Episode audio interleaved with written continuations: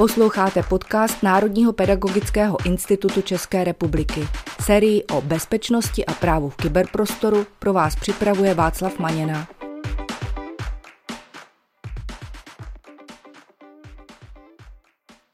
Vítám vás u dnešního dílu na téma rizika obchodních modelů freemium a premium, který jsme pro vás připravili s Pavlem Matějčkem. Pavle, vítám tě. Zdravím tě Václavé a zdravím i vás, naši posluchači. Dobrý den. Na úvod ale takovou malou aktualitu. Nově nás najdete na adrese revize.edu.cz, kde přímo vpravo nahoře je odkaz podcasty a videa, anebo jsme už i na té titulní stránce. Na této adrese budeme kromě odkazů na podcasty zveřejňovat také různé aktuality a zajímavé články. Pojďme tedy k našemu tématu. Můžeš nám vysvětlit, co to je freemium a premium a jaká rizika z toho plynou nejenom pro učitele, ale i pro rodiče? Já bych začal tím freemiem, protože to je na pochopení možná trochu horší. Premium je tak nějak všeobecně známé. Ten model freemium je o tom, že začínáte hrát nějakou hru nebo začnete používat nějakou aplikaci zdarma. Nicméně se počítá s tím, že si ji do budoucna zakoupíte. To znamená, že výrobce té aplikace vás většinou naláká, vy se naučíte tu aplikaci používat, zvyknete si na ní, začnete ji mít rádi a po nějaké době, po několika většinou týdnech nebo měsících, kdy se s ní dostatečně zžijete, vám aplikace nabídne nějaké další funkce za spoplatnění. Uh, typické je to například u počítačových her nebo hlavně u mobilních her, které generují vlastně největší obrat tady v tom odvětví, kdy vlastně vy si na tu hru zvyknete, ale postupně s každým každým dalším levelem, s každým dalším kolem, které nebo s každou další úrovní, kterou získáváte, je ten další postup pomalejší a těžší.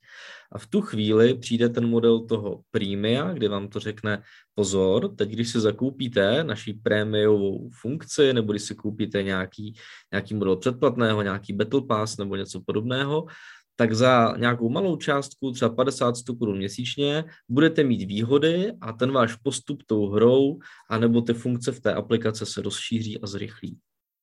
Mluvil jsi tady o počítačových hrách, takže jsem dobře pochopil, že se to v první řadě týká dětí. Eh, je ještě nějaké další odvětví, kde by třeba tyhle ty modely se využívaly, kromě těch her? Úplně nejznámější model, kde se tohle používá, jsou například Office 365. Vy si můžete vlastně založit nějaký Microsoftí účet, který je zdarma. Máte tam nějaké omezené možnosti v Officech, máte tam nějaký, tuším, 5 gigový nebo 10 gigový OneDrive v základu, který můžete používat na sdílení souboru a tak dále. Nicméně to je podle mě přesně ten klasický přístup, kdy vy zjistíte za chvilinku, že 5 giga vám ani na dokumenty, protože do dokumentů se dnes lidé ukládají různé e-booky, dávají si tam uh, různé jako zálohy, třeba hudby, videa a tak dále a hlavně díky tomu videu to potom naskáče, takže vy pak zjistíte, že vlastně pokud chcete používat OneDrive, tak vám těch výchozích 5 giga nestačí, což je ten model jako freemium, můžete to v základu používat zdarma, nebo můžete vytvořit dokument ve Wordu, nicméně vám pak jako nejde uložit, takže vy třeba můžete jenom s někým spolupracovat, ale sami dokumenty už nemůžete třeba ukládat a tisknout.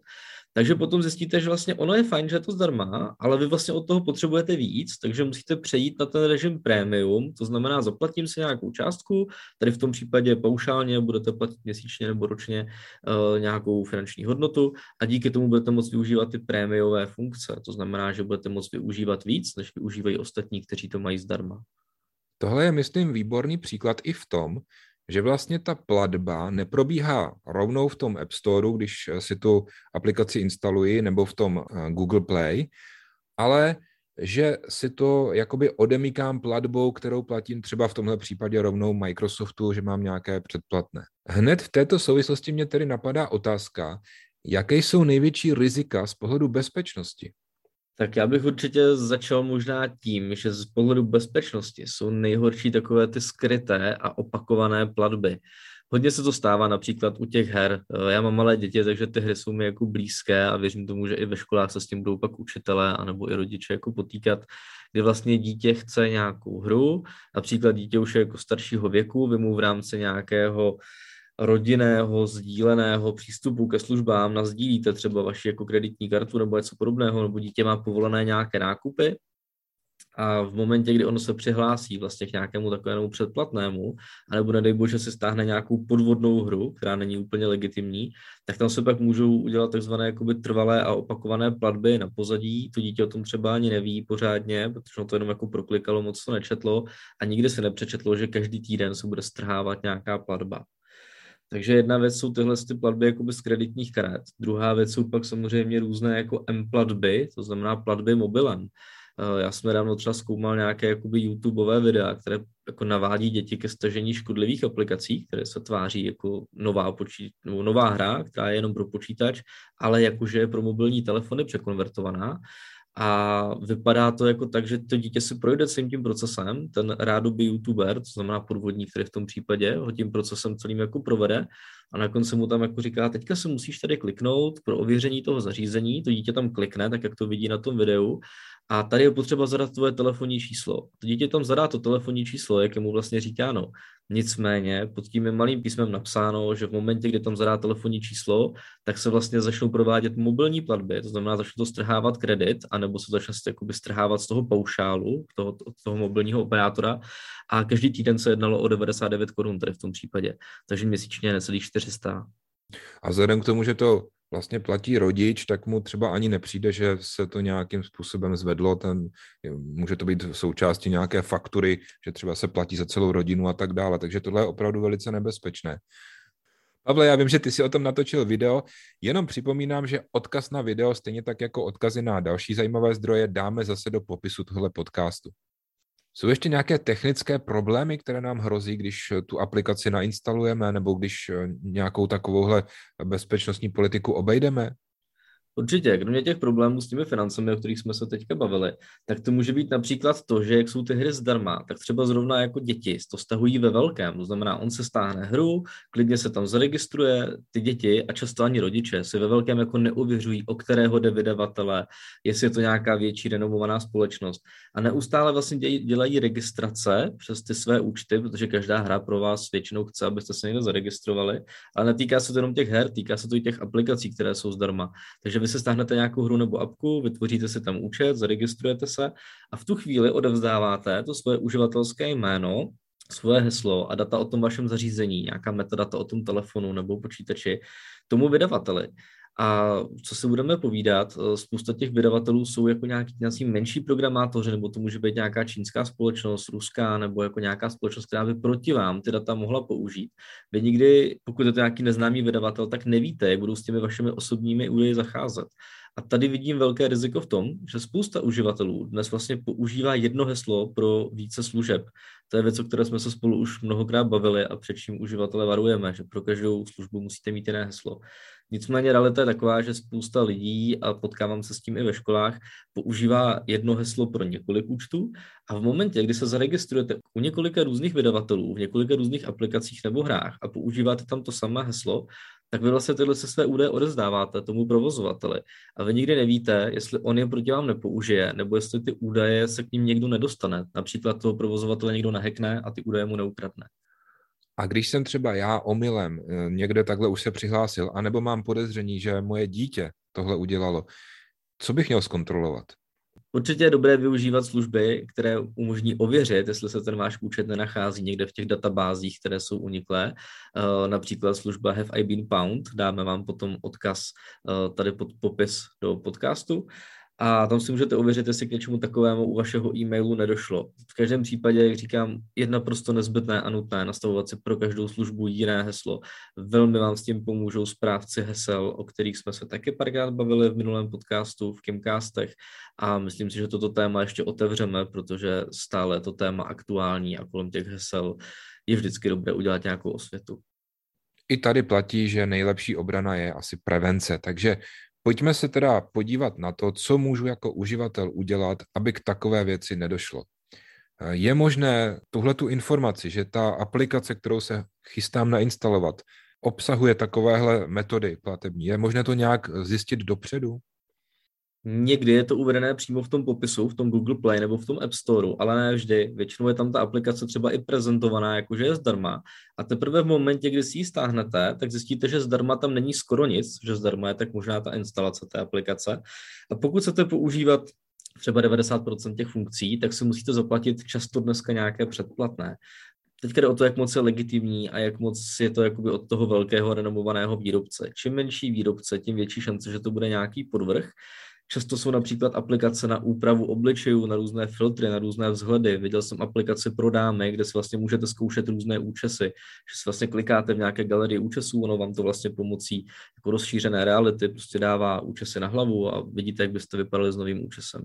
Nicméně tato aplikace po nainstalování, které bylo zdarma, vám řekla, že teďka ji můžete používat 14 dní zadarmo, pokud kliknete na tlačítko jako pokračovat, ale současně se přihlašujete k tomu, že za těch 14 dní po vás ta aplikace bude vyžadovat každý týden platbu ve výši 299 korun. Což byla ale věc, která byla opět napsaná malým písmem a už ta aplikace byla jako designovaná tak, abyste si toho moc nevšimli a automaticky se tím proklikali. Takže to je vlastně podle mě jedno z rizik, že si uživatel tohoto nevšimne. Ne vždy jsou tyhle podmínky dopředu napsané v tom Google Play nebo v tom App Storeu, většinou bývají pak až v té aplikaci, nicméně uživatel, jak tu aplikaci chce rychle a hned používat, tak to často nečte, nepozorný, prokliká se tím a pak má zaděláno na průšvih. Takže když bych tu aplikaci odinstaloval, tak si vlastně vůbec nepomůžu, musím nějakým způsobem zrušit to předplatné. Přesně tak, teďka se uhodil hřebíček na hlavičku Václava. To je totiž věc, kterou si ty uživatelé často myslí a to velmi, velmi milně a je to zdrojem mnoha problémů, kdy vlastně ten uživatel si myslí, že v momentě, kdy tu aplikaci odinstaluje, takže dojde ke zrušení toho předplatného. To není pravda. To předplatné je potřeba zrušit a to někde úplně jinde. Já jsem třeba nedávno měl takový případ, že jsem si chtěl eh, zlepšit angličtinu, tak jsem si nainstaloval aplikaci, právě jak říkáš, byla prezentovaná jako, že je zadarmo, No ale hnedka, když jsem ji spustil, tak už mě to nutilo do nějakého toho triálu a že hm, to můžu potom kdykoliv zrušit. Tím, že to je na Apple, tak skutečně pak eh, se tohoto objevilo v té sekci předplatného, takže jsem to tam mohl jako zrušit. Podobně třeba mám předplacené některé elektronické časopisy a zase na tom Apple můžu krásně na iPhoneu eh, zjistit, co mám aktivované, kde jaké předplatné a můžu to tam vypnout. Je něco takového i na Androidu? Ano, uh, jak pro iOS, tak pro Android existuje v tom obchodě vlastně správce těch předplatných. Bohužel spousta uživatelů o tom z mé zkušenosti neví, takže je potřeba jít do toho obchodu Google Play, kliknout se na takové ty tři tečky, co máte vlevo nahoře a tam už je pak možnost předplatné a tam pak vidíte jednotlivé aktivní anebo i neaktivní předchozí předplatná. Stejně, stejně podobné je to v obchodě pro iOS, kde jdete zase do toho App Storeu, tam je možnost ťuknout na váš účet, tam je možnost subscriptions, anebo právě předplatná a tam vidíte, jaká jsou aktivní. Možná bych měl takový malý tip pro vás a pro nás, pro všechny. Eh, pokud se nějaký takovýhle trial zaplatíte nebo se k němu přihlásíte a bojíte se, že byste zapomněli za 14 dní to předplatné zrušit, tak nejsem si jistý, jak to je u Androidu, ale stoprocentně za iOS mohu říct, že v momentě, kdy tam půjdete a kliknete si hned po tom aktivování toho předplatného na zrušit, tak ono se nezruší v tuto chvíli, ale zruší se vlastně až ke konci té periody. To znamená, že pokud máte předplatné například do 18.3., eh, tak vlastně 18.3. se to deaktivuje a vy se nemusíte bát, že by vám to něco strhlo. A když už se taková věc stane, máš nějakou reálnou zkušenost, eh, že ta platba jde reklamovat? Já vím, že podle zákona by to asi jako mělo být všechno v pořádku, ale má cenu se snažit nějakým způsobem tu platbu získat zpět? Já s tím bohužel zkušenosti mám. Eh, řešili jsme to několikrát s kolegy a kamarády, kdy se k něčemu podobnému jako došlo, většinou v případě různých her anebo předplatných nějakých streamovacích služeb, znamená Netflix a podobně. Často je to tak, že ty výrobci si dávají do nějakých těch, do té euly, do těch podmínek použití si dají to, že pokud to předplatné začnete čerpat a využívat ty funkce, tak se na vás často nevztahuje ta 14-denní doba pro vrácení.